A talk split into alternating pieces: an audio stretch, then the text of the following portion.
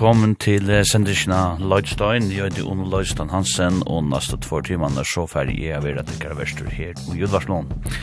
Jeg får spela Nekvan Spika Hamrande Føytan Tøvnlag gong, tog jeg at jeg har som kjøyna for veri og gråpa nok så djupt, og i kvart jeg kom ut nyliga av Tøvnlag innanfor det som er om å spela Det er alle banda for å si det som det er folk uh, bittla seg sjån inn at de spiller åtta avsla tonløk, men det er veldig så steilig møtman å si at uh, spela sintra kvarjon, jeg spela, ja, jeg spela nekkan elektronisk kantel nok, men jeg spela òsne indie rock, indie pop, jeg spela øyla nek amerikana country tel nok òsne, det er man vel, og sånn så spela jeg òsne sintra fransk tel nok, og det er fattelig gav jo jo faktisk skulle halsa sida, jeg finnes nek var vimerskninger om det, og som han sier i en boven til mun, uh, Moira Frankst, og ja, så sier han, det sier han òsne jørskvalde, så vi tar det herfra. Men, uh, Vi får at, um, ja, jeg skal lykke kanskje kunne det ikke noen vi høyre, til for høyre han ikke tjener fra min høyt elsker jeg The Black Keys, jeg snir amerikanske blues rock bakgrunn, som uh, jeg spiller, ja, ja, og samt i sendisene. Jeg spalte Secret Sisters i uh, siste og ta sier at jeg var kommet om nødvendig plato til er der, og vi får høre nødt fra Tøymon. Liam Gallagher har et fantastisk samarbeid vi og en mann som heter John Squire, og til gitarristeren og gjennom kjente balje som er ferdig som var om sattene. The Libertines er rattor vi gav en tøvnløtje, til Kula Shaker røstene. Vi får høre Moira Frankst, som man sier, Phoenix. Um, vi får høre spille litt vi Brittany Howard, Jade Bird, Idols.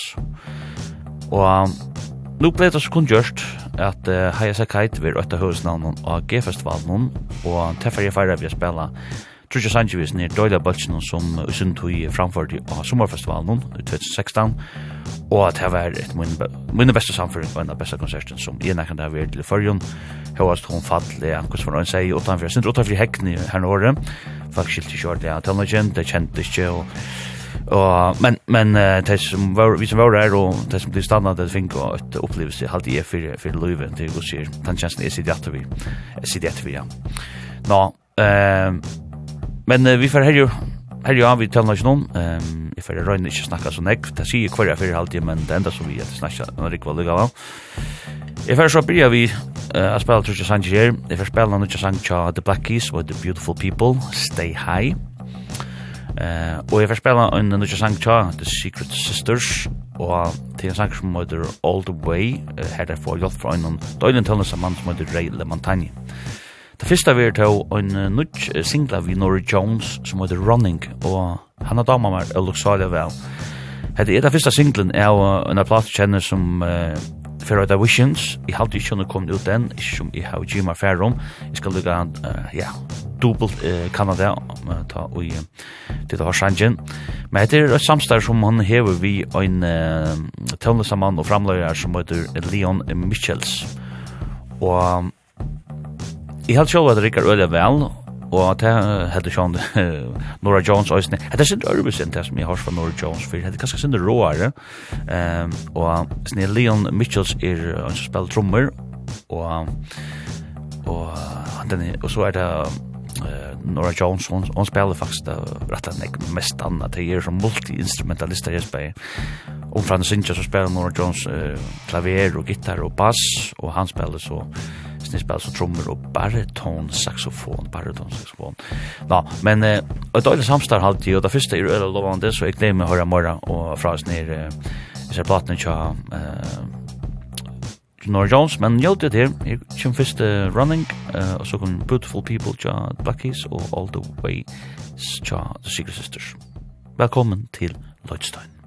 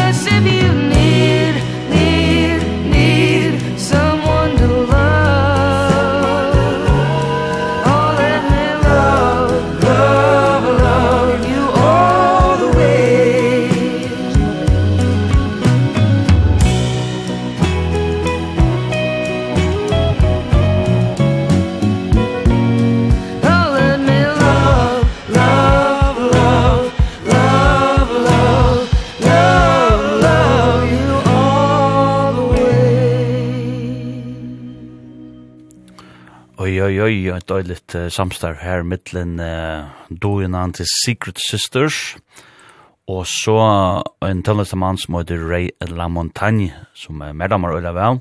Jeg vet ikke nek hva kan her ute kjenne han, men uh, sen sangen her til Secret Sisters, uh, som uh, kallast uh, fire uh, All the Ways, han ver a finna av tørrara nudjast og plato som kommer ut i mars, sørste mars og for øyda Mind Man Medicine. Og jeg ser her, The Secret Sisters, her er og tver systrar, det går jeg sender i navn noen. Jeg vet det, jeg jo, man har vel lyst til å bli fraslet, eller kalla seg hva man vil. Ta, og man gjør tonlag, men um, hesar er og så velja systrar, og ter um, og øyda Laura Rogers, øyda Laura Rogers og Lydia uh, sl, um, Slangley, og hon så gift slangly men uh, et opprunnet i Rogers Og ter um, koma spela sånn amerikanan folk country town like og ja, um, etter er en rettla nytt bekjentskap til meg, men meg damer der øyla vel, og um, Og det er nekka vi ta ui sysken sinja saman, vi kjenner det vel fra fyrir nøysene, men nekka, nekka sånne eh sysjuna balkar, systra balkar og kva var det. Og snæ ja, kjendar kjent uh, namn som The Everly Brothers og annor. Det er nokre særligt ta i eh sysjun sinja saman tui at røtnar Lujas bankromata, man sier DNA, uilevenar er der somo, eh i en avsamon, og det gjør at, altså, det er ikke som det, gjør at, altså, vibrasjon som må snitt høyrest. Og det er alltid man sann i høyrøysen her, systeren her øysen. Så ja, jeg gleder meg til at platan kommer ut, uh, den her som uh, ter er i holdt vi, The Secret Sisters. Uh, sangren som tar det her, ja, han kallar, kallar for um, All The Ways. Og sånn Ray Montagne som var vi her, um, han kan lykka fortellingssyndrom, uh, til han som jeg har spalt uh, rett og fitt i sendingen med den ARD, Og det er en alt kjær gammal maver som uh, kommer ur uh, Nashua i New Hampshire i USA. Spelar og en sort folk, ja, uh, yeah, folk rock town like. Og jeg har spalt nekka sanger tja honom mitt lærde. Supernova er en sang som jeg spalt rettelig nekv. Og han hever det helt utgivet åtta plater og sånn Og jeg kan selja hvis vimma derfor lort etter honom uh, uh, til at det er så godt. Men uh, Den første, ja, så Arne vi hørte The Secret Sisters sammen vi Ray LaMontagne, så har vi The, the Black Keys, døylig sanger for tøymen som heter Beautiful People Stay High. Og um, hattra sanger som er fyrir a finna, uh, vera finna av en er plate tja The uh, Black Keys som kommer ut uh, fyrsta dagen, og hon fyrir øyda Ohio Players.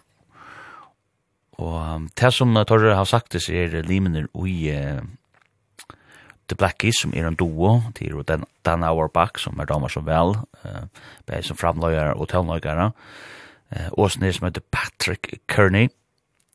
Uh, til til at det her er en plata til gjerne vil ta og skulle være sin dur glede. Uh, der spiller han sånn en blues rock, og sånn så vi der i 2022 vi platene Drop Out Boogie, han gav plata. Og Også en sannsyn her som, tar, som er spalt her som heter Beautiful People Stay High, her arbeider sammen vi Beck og så er det en som heter Dan The Automator. Han kjenner ikke, men Beck kjenner vi dødt fra. Ja, så det var ikke mye kjenner Beck, men jeg kjenner Beck som til Lursa Tølna ikke til er noe av det kjente Tølna som er i USA. Så jeg glemmer meg til at jeg har nytt fra The Black Keys til er Gussi Ambalkur som er dyrstje, og en av min indesbalkon i vår høv. Og da første sangren var en rettelig hodakande nødt sanger fra Nora Jones som kom fram i sinne tog Ja, som uh, søndag, ja, hun kom igjen øyler uh, uh, hundalige plate, må man sige, som uh, ja, ble kjempe, kjempe uh, hit. Og um, det var den platen som um, er så mye som Come Away With Me i 2002.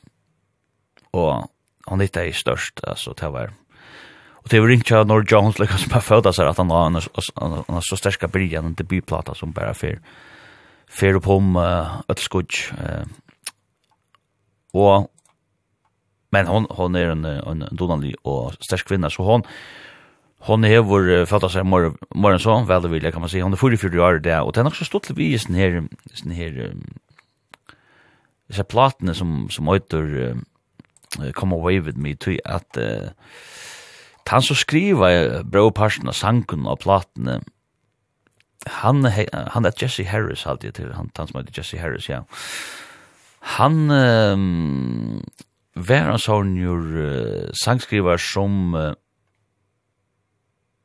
uh, ja, han er ikke hørt å finne fødden fyrir som uh, sangskriver eller som tøvnagare, Og det sier sånn at Jack rundt vi snir sangen og og rundt eller liksom har bjøret det til gode kvann mann. Tui, han fikk kjørt det givet ut sjolvor og han helt sjolvor at det var veldig godt. Men, uh, men ondje når det tog er og uh, det det det Ulf Søsten han det til en danska sangkvinne som bor i New York da og hon er så takk tacksam til at spela seg sangen där in Eh och det här har hon fortalt om själv att hon flätter sin rätt att tog igen.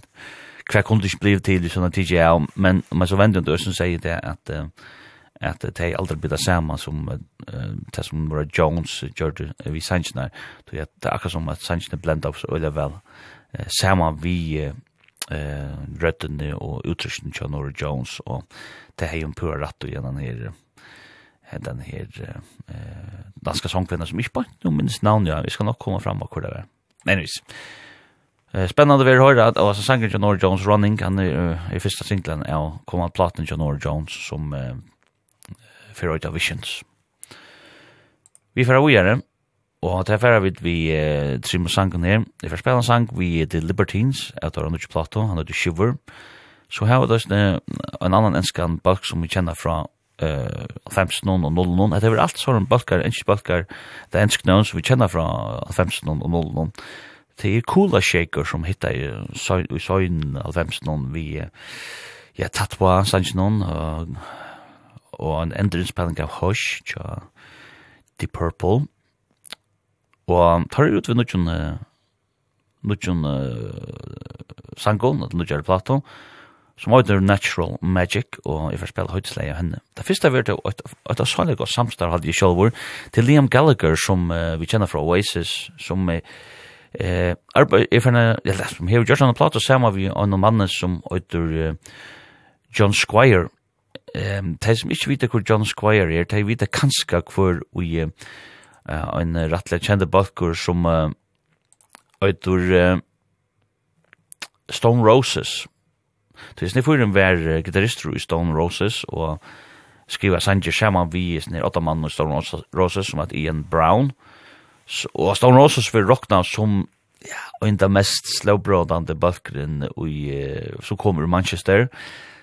Så leie lunnar under nekva tog som bleiv Britpop. Jeg vet ikke om man kan si Britpop, men jo. Eh, og slå vi en fire, ta en balkon og kom, og gjør det oss til at England ble rettelig cool i 50 noen uh, så, så ja, jeg halte at, altså, og Thomas, Thomas Tossan om Manchester som tøvnlaga boy så, så er Stone Roses tar på han balken som nästan flest visar till. Det är den så ja jeg sterske balkor, og jeg halte sjåver at det som tar av Josh Hammond, eh, Liam Gallagher ur Oasis og John Squire ur uh, Stone Roses, det er loksalige lovende. Her tver single kom det ut, jeg får spela faktisk boar, jeg får spela øynene nu som heter Just Another Rainbow, og så 17 sendingen så får jeg spela uh, March to Liverpool, som jeg sanger røyter her. Og jeg prøver ikke lukke dyst til her, at her er føyde rocker. Det er ofte så, sånn samstar, man, man kan bli sånn bensin om at, uh, at det blir sånn sydslitt til at man rønner enda tekka seg sjåan, men jeg spør en halvdelen halde det virker bort over at det blir faktisk til en øyestå dikt. Uh, Og ja, Just Another Rainbow er en føyte føyte rocksanger halde jeg. Gjør så vel, til kommer Liam Gallagher og John Squire.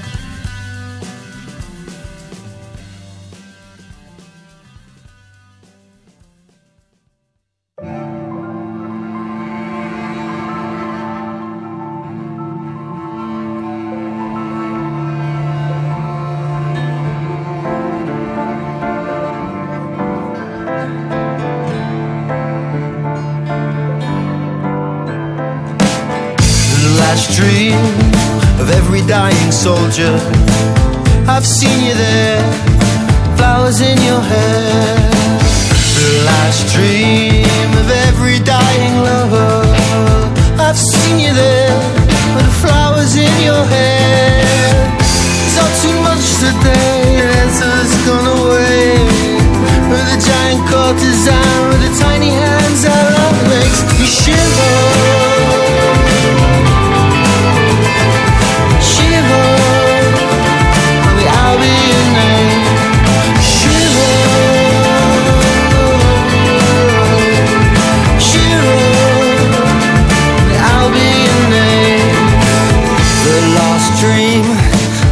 every dying soldier. I've seen you there Flowers in your hair. The last king Of every dying empire. Just let it die Sit back, enjoy the ride. They all queued up to see The old girl's got away. As the tattered standard hits the ground Another coronation.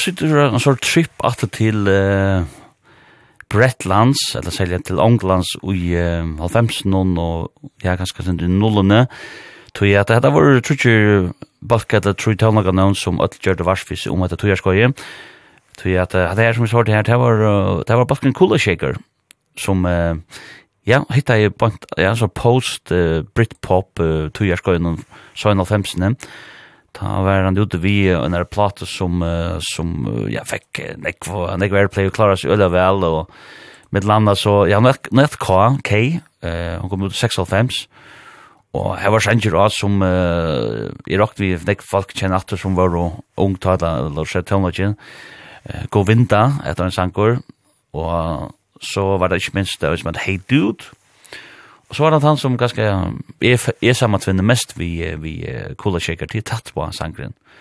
Men Bølgen hittar i Østen vi uh, sangen noen høys som flest folk kjenner fra til Purple, men det er ikke til Purple som har skrivet sangen, det er en, et cover uh, som uh, til Purple har gjort av en sangen, er en sangen møter høys til amerikanske sangskriveren om tølnagren Joe South, uh, som er skrivet. og det var en som hadde Billy Joe Royal som framførte han. Så ja, um, men han sanger som er fløyre, fløyre uh, orkestra spalt inn, og så har han kula tjeker uten sin sjelfem, så han hitt er største uh, bakken vi, vi tog sangen, fløyre sanger. Og ja, kula tjeker er så at vi er under plato, som er sånn sangen er uh, finna, og uh, den platan, hon uh, Øyde så mykje som Natural Magic, Og det var den sangren uh, som vi hørte her, det var som høydesleie og til platen som som Kula Shaker giv ut. Og tar jeg har liksom funnet sammen at den, den opprona mannen i Kula Shaker, så det er nok så stått litt at uh, høyre til og, og at det var liksom, ja, ta kunne ikke noen annen tusen dør rundt Gero og i Alvemsen, og det mente jo om det, og det er nok så flott, og det gjør det faktisk at alle sangene til at den sangren hørte en Kula Shaker, det var sangren uh, Shiver, tja, Batchen on the Libertines, som òsne er visst nattur, hauhaste, ja. Hva skal man sija, Balken hevur, um, selja åtta mer om Balken hevur um, spalsar við deian flore fyrir hann, han tidsin ekki rusevner, sin her, sin donali uh, uh, sangaren og sangskrivaren som heter Pete Doherty, men han er aluvi enn og bor i Frakland i det, og tar spela enn, sier, nu tja platan tja tja tja tja eller fyrir øyta han kommer ut i marsmanna, han fyrir øyta All Quiet on the Eastern Esplanade, og jeg tror det som jeg hørst her er øyla hodakande, og allukavald, ja, til eissa til er libertinsson, det blir bra av tujerskøynd og torvar og i velmaktene, at det er nok, ja. Når man tar vera og passat aller besta til, til nok veri at det er nullen noen, Libertines gjev ut fyrste platna i 2002, Off the, off the Bracket, eller kjent plata, og så The Libertines i 2004, og så i frigjør inntil der kom at i 2015, og nå uh, gjev det ut en annen plata i 2024. Så ja, det er ikke hash fyrir, la meg si det sånn, at det var bare heroin og alle traumaskaper på i Child Libertines, og det er trolig at man gikk opprøster enn, og hinn som heter Karl Barat, som er en automannen som spiller gitar og synger, eh ja han røsnar liv igjen så ja. Gott att uh, att jag inte checkat ham som nek nøren med landa Amy Winehouse som var pastor av sån här omkvarn nøsten i, i London i Nolden som var väldigt harst. Och da första som Trim Sangun spalt her, det var også en sort, du fick ordentlig sån här ja, hva skal, skal man si där en sånn kjensle av uh, halvfemsen, mi halvfemsen her, til det etla oisne tulli og femsen til det var Liam Gallagher ur Oasis og John Squire ur uh, Stone Roses, og tar altså lisa saman og gjør sånne plater som gjør øyla lovande, og at det var så en, en singla, fyrsta tvoim som jeg først spilte, han heter Just Another Rainbow, og jeg halte at det var, hadde jeg fått sjålt om at det var øyla retro i uti, men som, uh, per det vel gjørst, og så gjør han ikke om det høyre sin drev, ja, om ta pojkar sin ratträttne och det gör inte men det bättre väl just i allt att det var att samstarv i ölla lovande hade ju shower. Liam Gallagher har gjort neck go ting så han gas to Oasis at Oasis för upplösningar han är inte så jag glad för det. Han är förstående för att Basken ska komma samman natten men Bodgen och Noel Gallagher han vill köra till honom där så men det som han har gjort själv Liam Gallagher till hemma dam och väl og at her er så er nekka som er at man er tjekka mor ut. Nå, nu var det at vi snakka om at det er sørste vik og spalte uh, franskan tølnøyk, og jeg husker at uh, jeg var enda tega sin tøy, tøy jeg har jo två franskar, ja, balkar litt kjande klarar her, at han sang, jeg har ikke en balkar, det er en dama, som jeg spalte i sørste vik, og jeg har jo et lev i henne, at hun heter Saho til Sakasan, Saho til Sakasan, Og jeg får spela en sang til seg Donald i en fyrtjør av gamle kvinnene som øyter Le Symphony de Eclairs. ja, ja, det er så det jeg halte det øyter. Jeg får prøve å vite hvordan jeg har tatt kort inn i Google Translate, mye og kår. Så får jeg spela en sang, ikke en, en fransk artist, men ikke en australsk som spiller under navnet Logic uh, Thousand. What You Like, her for hjelp fra en som øyter Logic eh, June eh, Pinko. Det er, er sånn elektroniske tøvnaker, det er faktisk alt, og det er, er også i bakken som jeg faktisk bare fisk, med Phoenix, det er jo nekker gamle um, slowbrad innenfor elektronisk pop, der har spalt Lunge Phoenix sammen, og jeg får da hjelp fra en som heter Leon, eh, ja, Largui, eh, ja, halte skriva, og til en sanger som heter Artefakt som kom ut i 2023, og til en føyder sanger alltid. Og njøy det her, synes det er eksotisk uh, uh, her, uh, og til jeg sånn her. No, this is all be as true, this is all be as true, que todo se torna azul, como superar mi fragilidad, me suenan todos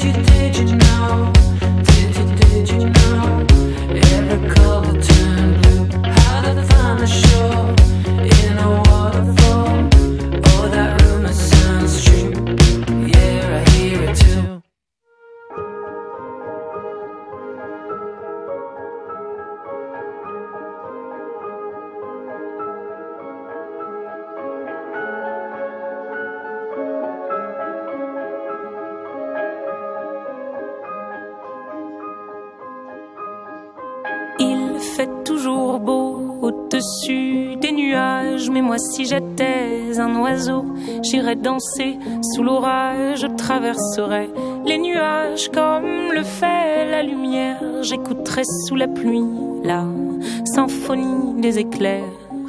Dès sa plus tendre enfance, elle ne savait pas parler autrement qu'en criant tout bas, pas faute d'essayer de les retenir. S'écrier ses larmes qui les faisaient tant toujours beau au-dessus des nuages. Mais moi si j'étais un oiseau J'irais danser sous l'orage. Je traverserais les nuages comme le fait la lumière. J'écouterais sous la pluie la symphonie des éclairs. En grandissant rien ne s'est calmé. Petite tempête s'est trouvée. Des raisons de pleuvoir autant Qui pourrait l'aimer franchement. Personne n'aimerait se retrouver. Au cœur d'une tempête avouée Il y a des raisons de pleurer. Elle a ses raisons mais Il fait toujours beau. Au-dessus des nuages Mais moi si j'étais un oiseau J'irais danser sous l'orage Je traverserais les nuages Comme le fait la lumière. J'écouterais sous la pluie La symphonie des éclairs.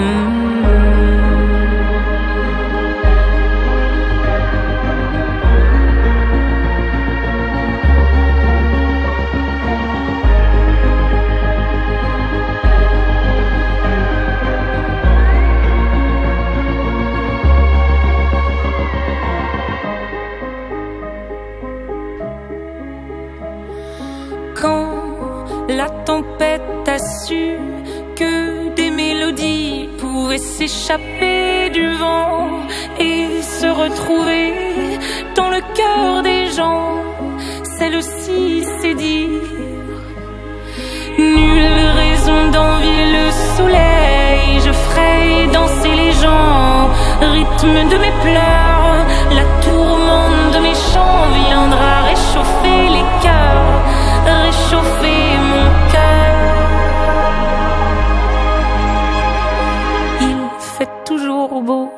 au-dessus des nuages, mais moi je suis de ces oiseaux qui nous font danser sous l'orage. Je traverserai tous les nuages pour trouver la lumière en chantant sous la pluie la symphonie des éclairs.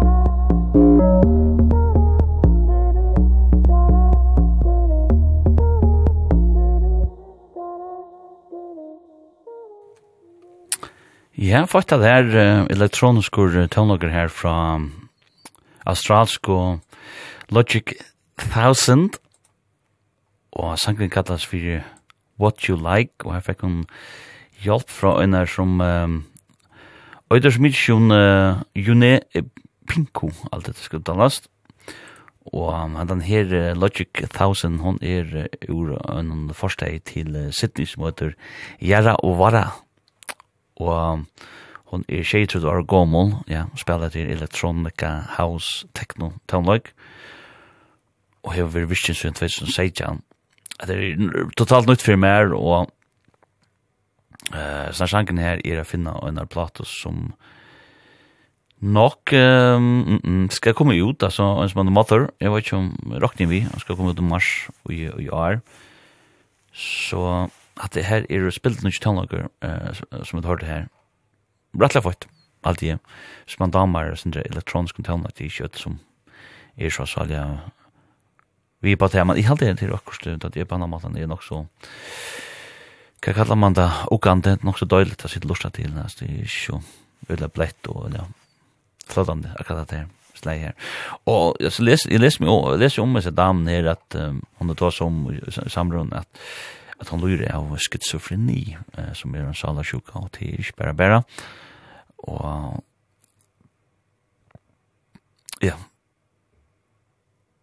hon er veldig ute i nokre ting som hon ikke skulle være ute i suger, og hon er veldig, ja, ja, og gottne til enda og jeklen noen. så så det er, det er godt at hon er kom kom bort ur tog, og så ja, ja, det her, og tannok kan være eller være en sånn god terapi eh, til sånaka. Nå, Arne vi tar Logic 1000, så har du et uh, sannsyn uh, La Symfoni, uh, Discles, og jeg la jeg skulle slå det opp, det har vi slett ikke gjort, men uh, kanskje jeg kan prøve å gjøre det her nå her, men jeg sitter her og, og ta seg, eh eh ja, nu skal jeg finne det sannsyn her. Hva så heter hun? det heter Saho Sa Saho de Her var hon. Og ja, kommer her til symfoni. Gå så gå så uttala som man svarer? Sier hva det her inne her, og så spyr jeg La symphonie de Leclerc. La symphonie des Leclerc. Ja, La symphonie des Eclairs. Ja, og det var det fleste jeg kunne komme til. Føyde sanger, døylig uh, tøndeste kvinnen her, uh, som uh, spiller under, eller spiller som øyter uh, uh, Zaho, The Zaga, Zaga Zaho fransk. Og jeg har møtt noen i bøynen vikskjøtten som nevnte at jeg hadde hørt sendisene og var veldig glad for jeg har hørt sier damene at jeg hadde lort henne etter henne. Det skal jeg. Nå, nå er det så sånn også, tverfinner, og jeg kan bare vimmelde for at uh, lort henne morgen. Den første sangren var en som heter Artifact og en fransk om bøtt som heter Phoenix, og det er en bøtt som ja, det er en bøtt som blir fremme siden 1995. Og han kommer ur Vasei i Freklandet. Og spiller indie pop, eller kan man kalla det new wave, synth pop, pop rock. Eh, og han tar gående plate ut i uh, fjør som eh, et så mykje som eh, Alfa Solo. Og det var så kjenta platan tja, Snebalknon. Bal Ja, han kom ut i 22, i november 22 kom han av platan ut, Alfa Solo. Det som så gjerne hent, herren sangren, hans Alfa sangren, er at vi platan, men han er som endre utgivet nå, eh, nyliga, eh, her og i maur som, eh, øyder sum mykje som Leon Lager, Lager, ja, jeg, nu får jeg prøve, nu må jeg også prøve det, det er vi at, um, um, vi det går til å uttales du at nu er jeg etter å sende på Herrens mark som danskar sier, jeg er ute skuita for å si det, jeg sier man ikke det av førskolen. Da det kommer til sier, sier sponsk og at det her, etter navnet under mexikanere, det her. Så får jeg prøve å vite hva at vi, etter her, Google Translate sier hvis jeg kører det her ut, og sier at dette her er mexikansk. Hva kan det hjelpe meg vi? Jeg vet ikke ganske ekspon det jo til at man at her vittler ikke blir mer utbrøtt. det ja. Det kunne sikkert hjelpe meg flere før ned at uh, at uh, kommer jøknes navnene. Det gjør det langt nå. Hva er det som meksikansk. Det skal bare bruke, jeg skal bruke, bruke spanish, ja. Det er ikke meksikansk, det er jo ikke, det er spansk, det er også. Ja, så det har ikke fungerer, ja.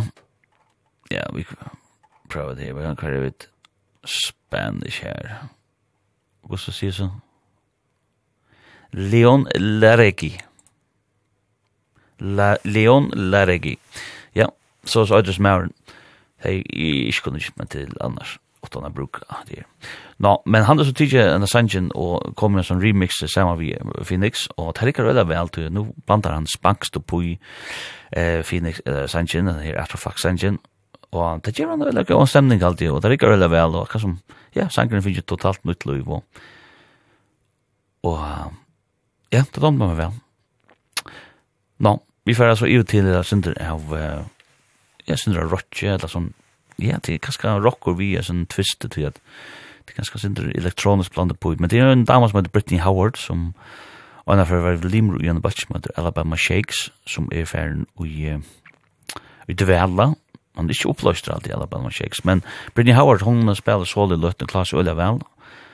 Uh, jeg får spela en sang til henne, jeg får spela en sang, sang til Jade Bird, her hun får uh, hjelp fra en som heter Mora Massa, så spela en sang til en som heter en bøtt som heter Idols, en sang til Grace. Idols er en sånn post-punk-bøtker ur England, det skal det spoken word. Jeg får byrja Brittany Howard, og Prove It To You, og det er en sang her, og han er så en, og en single av uh, eh, kommande platen tja Britney Howard som eh, ehm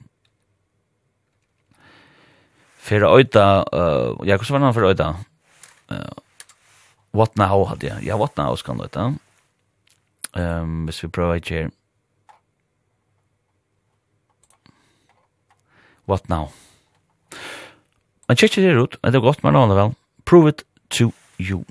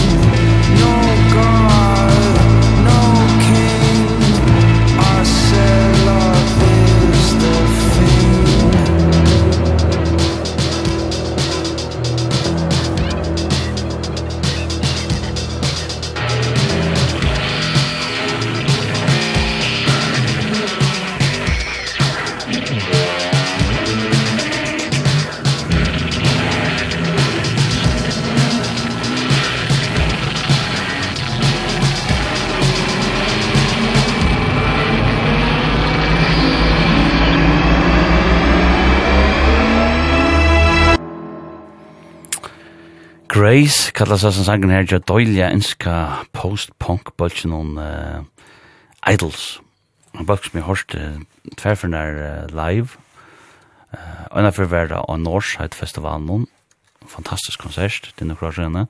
Og så hørte jeg dørsen hit opp fyrir Pearl Jam, fyrir en fem år siden, Og at det er en, ja, man rammer det vel, at det er øyla ørvise, og Ja, det kallar det ja, post-punk, punk-rock, hardcore punk, og jeg så spoken word og snivet og Ulle engst, ulle, ulle engst vil sagt, eller brekst, og tank, og det nødja platan jeg tar i munn, og ja, alt det som uh, Eiddels har gjørs kan steile vimmelas, tar gav sånne første platan ut i 2016, Brutalism. Det var en plata som fikk nekv, nekv reus, og det her var det fleste kjøtt om gjørs. Arvid har du Idols, så har vi vidt en sang tja Jade Bird, og nu tja sang tja henne her for Jolf fra som heter Mora Massa, Burn the Hard Drive, sangen her unge enska kvinnan, som nu er uh, som nu bor i USA, Burn the Hard Drive, og en fralik fralikur sanger alltid, og tja henne er spennande tøvnast kvinnan. Og den første sangen til var Prove It To You, og en nytt single av kommande platen tja Brittany Howard, som for fra What Now, og at det var en sånn sindre ørvis enn som man kjenner ganske Britney Howard fra var blues rock noen østene i Alabama Shakes, ganske gjorde more soul, at det var sånn mer elektronisk, ja, blanding, ja, ja, så blandisk produkt alltid, må jeg si. Å, hørst alltid, prove it to you, Britney Howard. Nu får jeg skrua tempo i øyla lengt nye, jeg får spela trutjar øyla friara sanger, Sadness as a Gift, tja, sangerindene og kvinnene i bøtjen Big Thief, som hun heter Adrian Lenker, Adrian Lenker, han er i USA, men vi er navn er som han har at bånd til i angsten i Europa, i Tyskland, Adrian Lenker.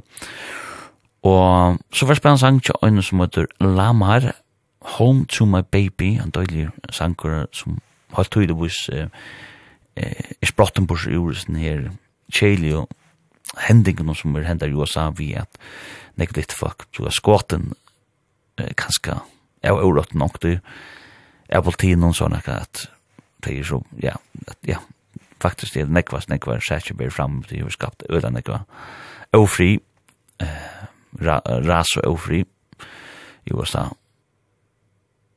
Men det første verske for å spille til en sang som heter Bear og Room for You og det er det sanger kjenner. Musikk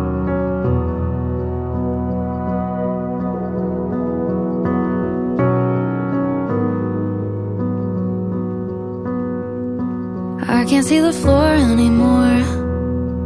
And there's boxes on boxes, they're stacked off. Somebody else lived here before you. Took me two years to pack up. But I'll make space for you. Yeah, I'll make room for you. I can't feel the sun anymore. But there's patches of light coming through all the boards on the windows. Might be time now to take them all down. And I'll take them down for you. Yeah, I'll make room for you. And I'll be the first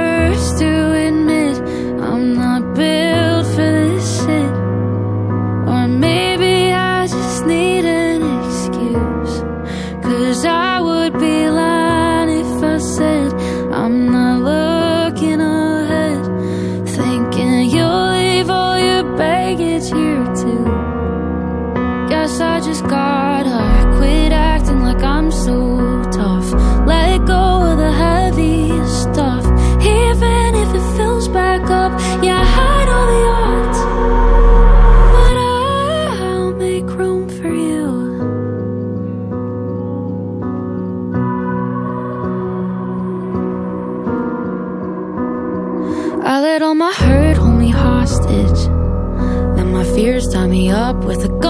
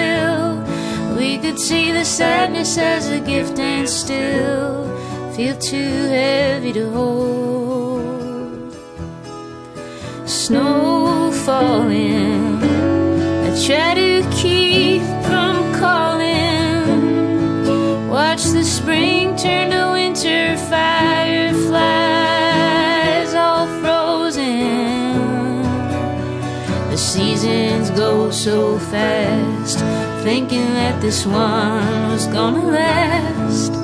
Maybe the question was too much to ask.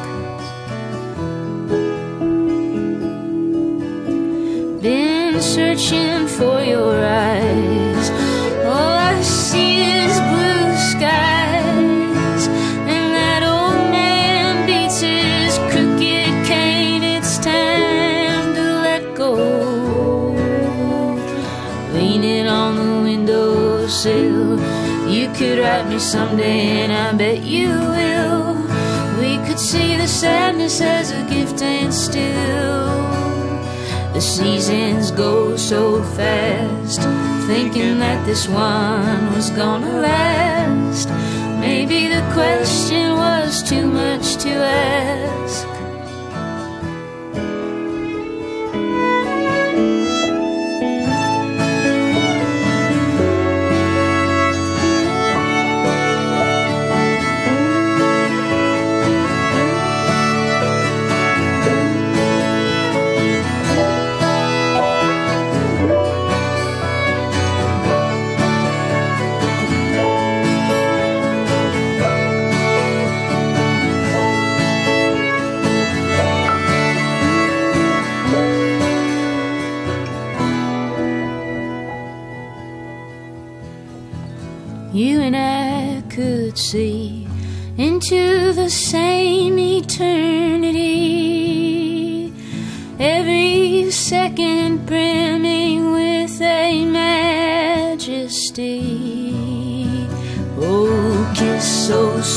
so fine.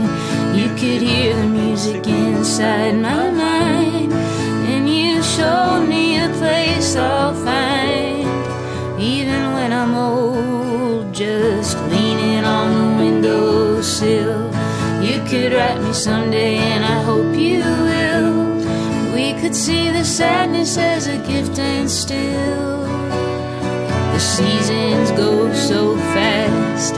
Thinking that this one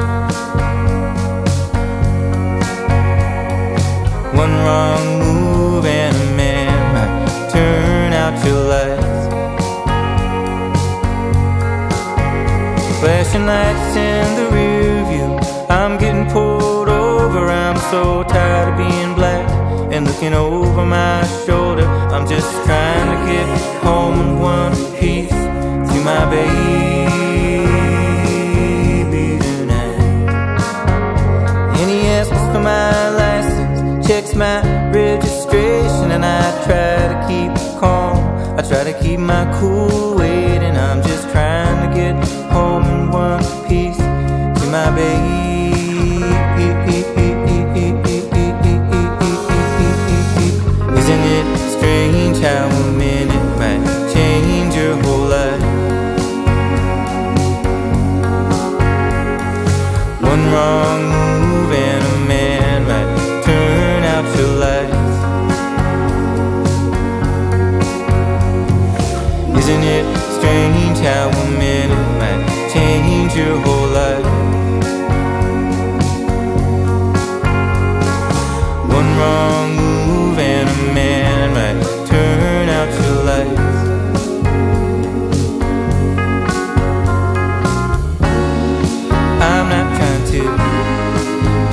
back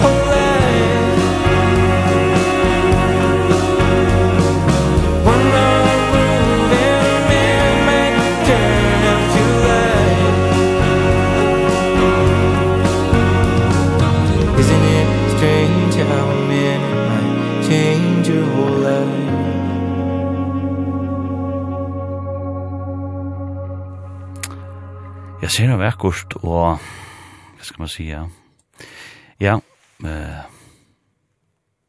Altså sanger som uh, setter atlan gang og en ølja utørslig sanger om en her øttan som nekker amerikaner eller litt amerikaner uh, gang rundt vi og i hesen døven at her vi at man ikke hørte tårer at um, jeg bare for å køre hjem til sin kjolts eller til uh, en som man går vi uh,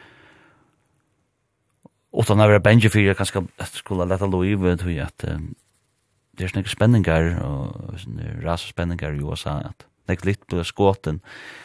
Som vi har tydligt vis eurotten men i kött att skåten det blir just ja annan mat så detta det Louis då det kom i händerna och luckrekla eh och vi är schon det rösten nick så det strui innan och smittel lite folk men men ja man så har ni sankurs nok rönnas ett år året til, og hvordan det kjennes.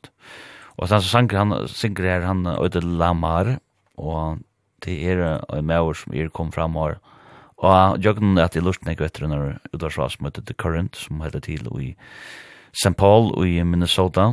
St. Paul og Minneapolis er tvær byer som er samanvaksne, nekka som Archer og, og Havnen, og man kallar det bare for Twin Cities i USA. Og tar spela nekon uh, lokalan tónløk her i, i The Current, og snir Jeffrey Lamar Wilson, som han nøytur, er en sangare og sangskrivar og multi-instrumentalister som er ur Minneapolis i Minnesota, så. Og her også, her òsne også, sin ting, chill ting, kinje fyrse, chill og saknon vi ditt folk som letta loiv til her er okkur smal som er veri nemlig ui Minneapolis, som er skapt øyla nekva eurek og eufri. Men uh, ja, uh, Og Arne tar då den her uh, How to uh, Home to my baby Chan Lamar så har du vid uh, Adrian Lenker som er åttakvinnan og i uh, Big Thief som Øystein Djevon er ut solo. Så har han spillet nødja single som heter Sadness as a Gift og det var fantastisk. Uh, en annan fyrir jeg ser her øyla produktiv og uh, virkno 22 år gamle kvinnene ur Indianapolis i Indiana i USA men som vi det nok i heim, eller heim heimhørende hun bor i New York. Og den uh, beste indie-balken som er framme i sin objektiv, og Adrian Lenker er så et av, hva kallar man det, lokomotiven ut i balken. Og Arnold har du Adrian Lenker, så har du vidt uh, Bear, B-E-R-Adrian, det er en ung kvinne, og som framför den sangen som heter Room for You och hon kommer östen från uh, på samma sätt som den här Lamar så kommer hon östen från Minnesota och ett röst som kommer fram och jökna sig här ut av rastan till Curran. Och den damen heter Barrett Dupki Duping D-U-B-I-N-G Barrett Duping og det har kjemst nok jeg til at han her så, kan man si, skandinavisk, et eller annet norrlengs navn til, til at det er øyla nekk for um, Det var en ekvir danskar, normen, svenskar, ja, norrlendikar, eller skandinavar som enda i Minnesota og i Minneapolis her, her løyer, ta i folk eh, flottet til USA, og hon er så en uh, tydelig dybing er 100% uh, og nordensk og berit, ja. Hon er så noe som en, en ny, ja, sier ny kommer, sier man ikke, sier man, etterkommar av er dem om folkene som sett seg nyr i Minnesota og her og løyer. Og altså, sangen her, som vi tar, han er eh, nok å finne en her plass som hun gav ut i 2003, eller som er til faktisk en EP som heter Halfway. Og en damen i 25 år gav med den her. Spennende dame, hun kommer ur Walker, Minnesota. Ja, yeah, she's of Norwegian heritage, sender jeg så han er navn kjem sjån det ja skandinav kjem fra skandinav nor nor nor nor nor nor norrland gott. Mm mm. Det var så det, ja. Fantastisk døylig løtt her vi frihet inn tøvnen her, det skal til og kvarst. Det er jo ikke, det skal bli alt for frihet. Men uh, jeg fer så til, tror jeg, Sanji, vi er en norsk balse som er blitt kunngjørt til å spille av G-festivalen i år, og til er balkeren Hayasa Kite, og en fantastisk balker som spalte av sommerfestivalen i 2016, og til enda beste konserten jeg har vært til å først gjøre meg i vikenga. Jeg var sånn ganske, uh, hva skal man si, ja, og jeg altså, datasynder utenfor hekkene her nå, det er å han passar inte in i sommarfestivalkonceptet kan man säga som bygger på här hittene hittast och allt ska vara så känt och det är det inte attlutande ofta i sommarfestivalen så är, så är det sån i progressiv uh, art popper som uh, heiser kite framför nok ikke akkurat det som man vantar at høyre som man forsvann. Ikke til just at tar jo også domt med øyne ved konsertene. Og det var et øyla vekskvalt, sånn sommerkvalt her av Voksbøy, sin uh, paddelen, flott flotte paddelen, så han var utrolig penskruttur, og jo var flott, og man var uh, gøy selskapet. Det gjørs en øle, øle minnelig løta som hever uh, brent seg inn i mot uh, sinne, og mot hjerte, kan man si, tøvnaga hjerte kvarsjon. Så jeg var spela, tror jeg Sanji Viesen er Haya Sakait, uh, Kort nok er Balkren Brøttenek siden han var i forrige til at det er færre folk fra og når kom til. Uh, Ja, nå faktisk bare folk er ferdig fra, det er tvei som er etter faktisk alltid, jeg hvis ikke tekst for, eller noen kan tjekke hos det er, ja. Det er Ingrid Helena Havik og Trond eh, Bersson som er etter, og da Øystein Skar og Marte Ebersson og Kristoffer Lån, det er jo et ferdig bors jord, så kan det være forrige søgnast. Men det er hvor vi er vist denne spennende slei av indie-poppe, art-poppe, og Jeg får jeg spela två gamla sanger som er lukka som signatur sanger tjast og balsner som vi kjenner fra fra ta det var i førjon, særlig en, en plata som kom ut i 2016 som heter Camp Echo som også vekna ordentlig sett i gang til karrieren av tja eh, Heisekite. Det gjør det silent treatment fra 2014 sann i Øystein Love or Where Do You Live? Jeg sanger kanskje som er mest baldet til tja men Jeg får spela tvei hitter av sier Camp Echo-platene som uh, och det Golden Ticket og uh, Someone Who Will Get It. Og så får jeg spela Nudja Shank Tja Chadamon som er The Mother som er av en er platte ved samme navn fra 2022. Men uh, jeg njóti så løtna vi en øyla øyla uh, spennende baltje som er til utrolig gledet at han kommer nattur. Åtta år siden han var sjøynast tog en flyr Jesus Christ. Så jeg helt så at at det her blir vittnesbord om å øle sterske G-skra, er nek, er nek fantastisk skrann i er. og ja, vi tenker da, først tenker vi Golden Ticket, Mother, og så Someone Who'll Get It, tja, heisa kite. God, if you're still watching,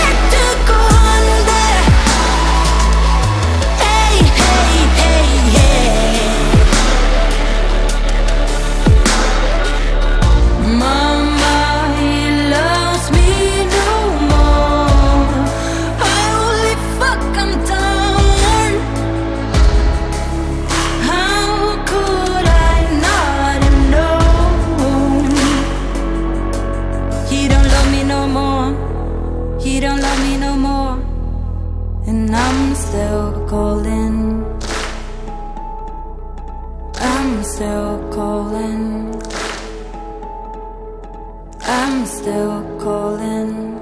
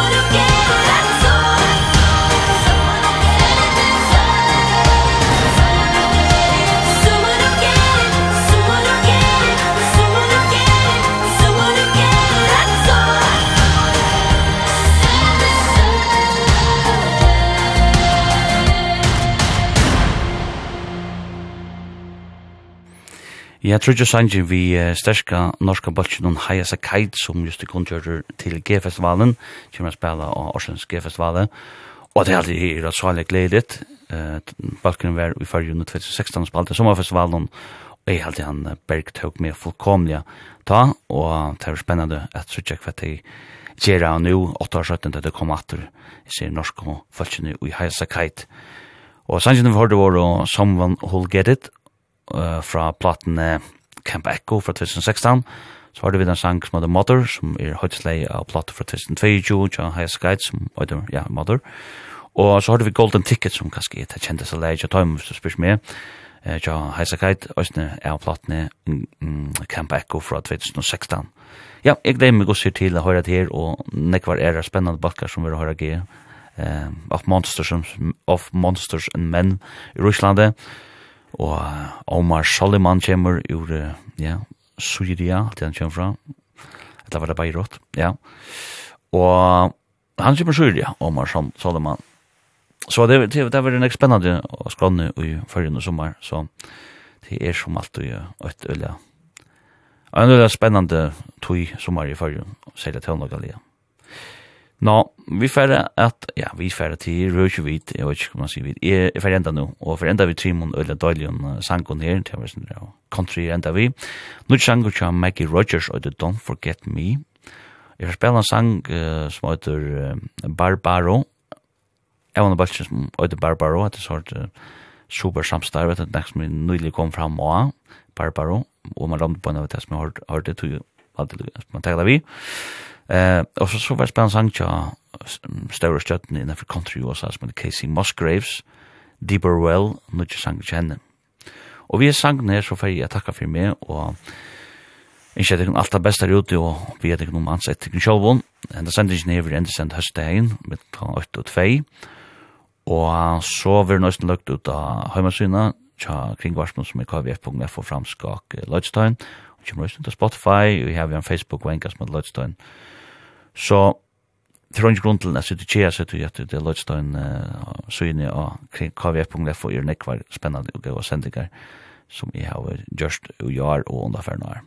Men uh, njød nu at her, og njød kon annan, njød løyve, ansett sjåvun, her kommer Don't Forget Me, tja Maggie Rogers. Musik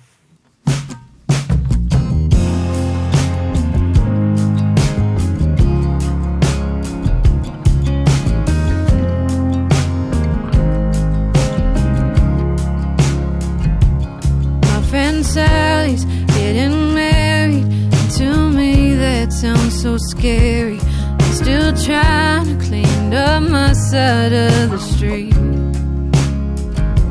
I can't imagine what would happen Cause I'm still acting out of habit. Hoping dirty words just don't escape my teeth. Oh, but every time I try just a little promise that I'll meet in the middle. Always find my way back to my feet. So close the door and change the channel. Give me something I can handle. Like a lover or someone that's nice to me. Take my money, wreck my Sundays. Love me till you're next somebody tree that when it's time to leave Don't forget me.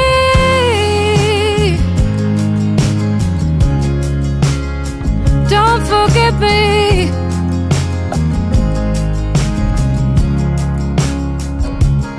My friend Molly's got a guy she swears to God could be a family. Says he's got the greenest eyes you've ever seen crazy. All the days she spends just following him to parties. She seems happy, oh but that's not love to me. Oh but every time I try just a little Promise they'll meet in the middle. We always find my way back to my feet. So close the door, change the channel. Give me something I can handle. A good lover or someone who's nice to me. Take my money, wreck my Sundays. Love me till you're next somebody. Oh, and promise me that when it's time to leave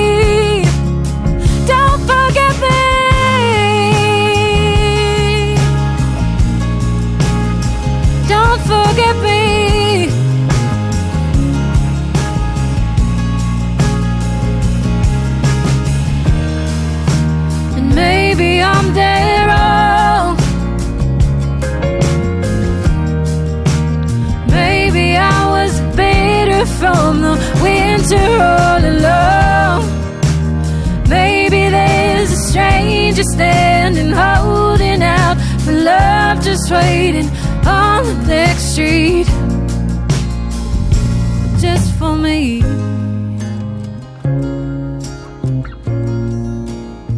Oh, just for me.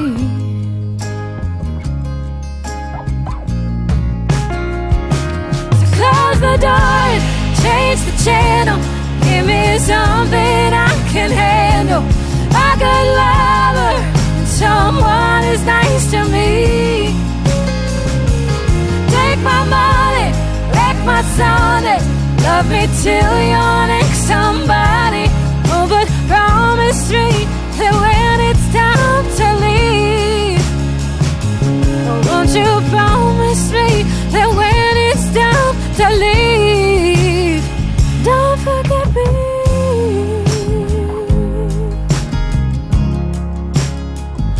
forget me.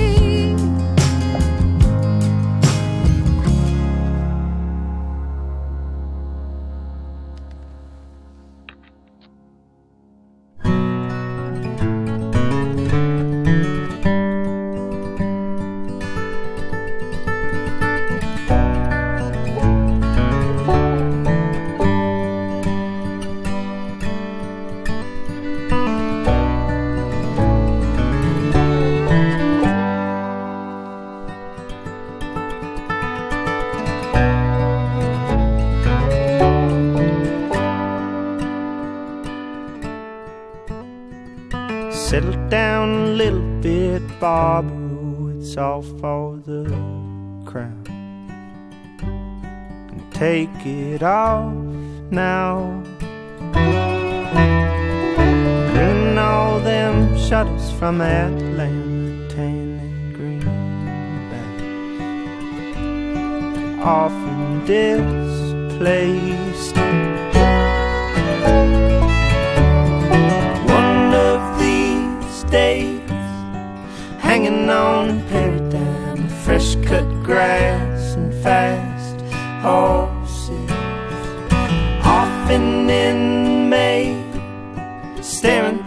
Corridor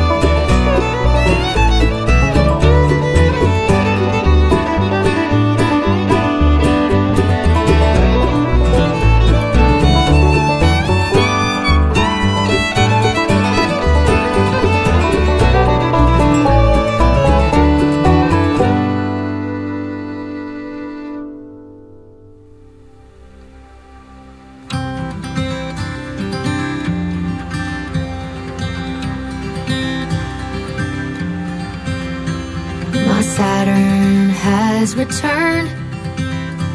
When I turned 27 Everything started to change. Took a long time But I learned There's two kinds of people. One is a giver One's always trying to take All they I'm saying goodbye.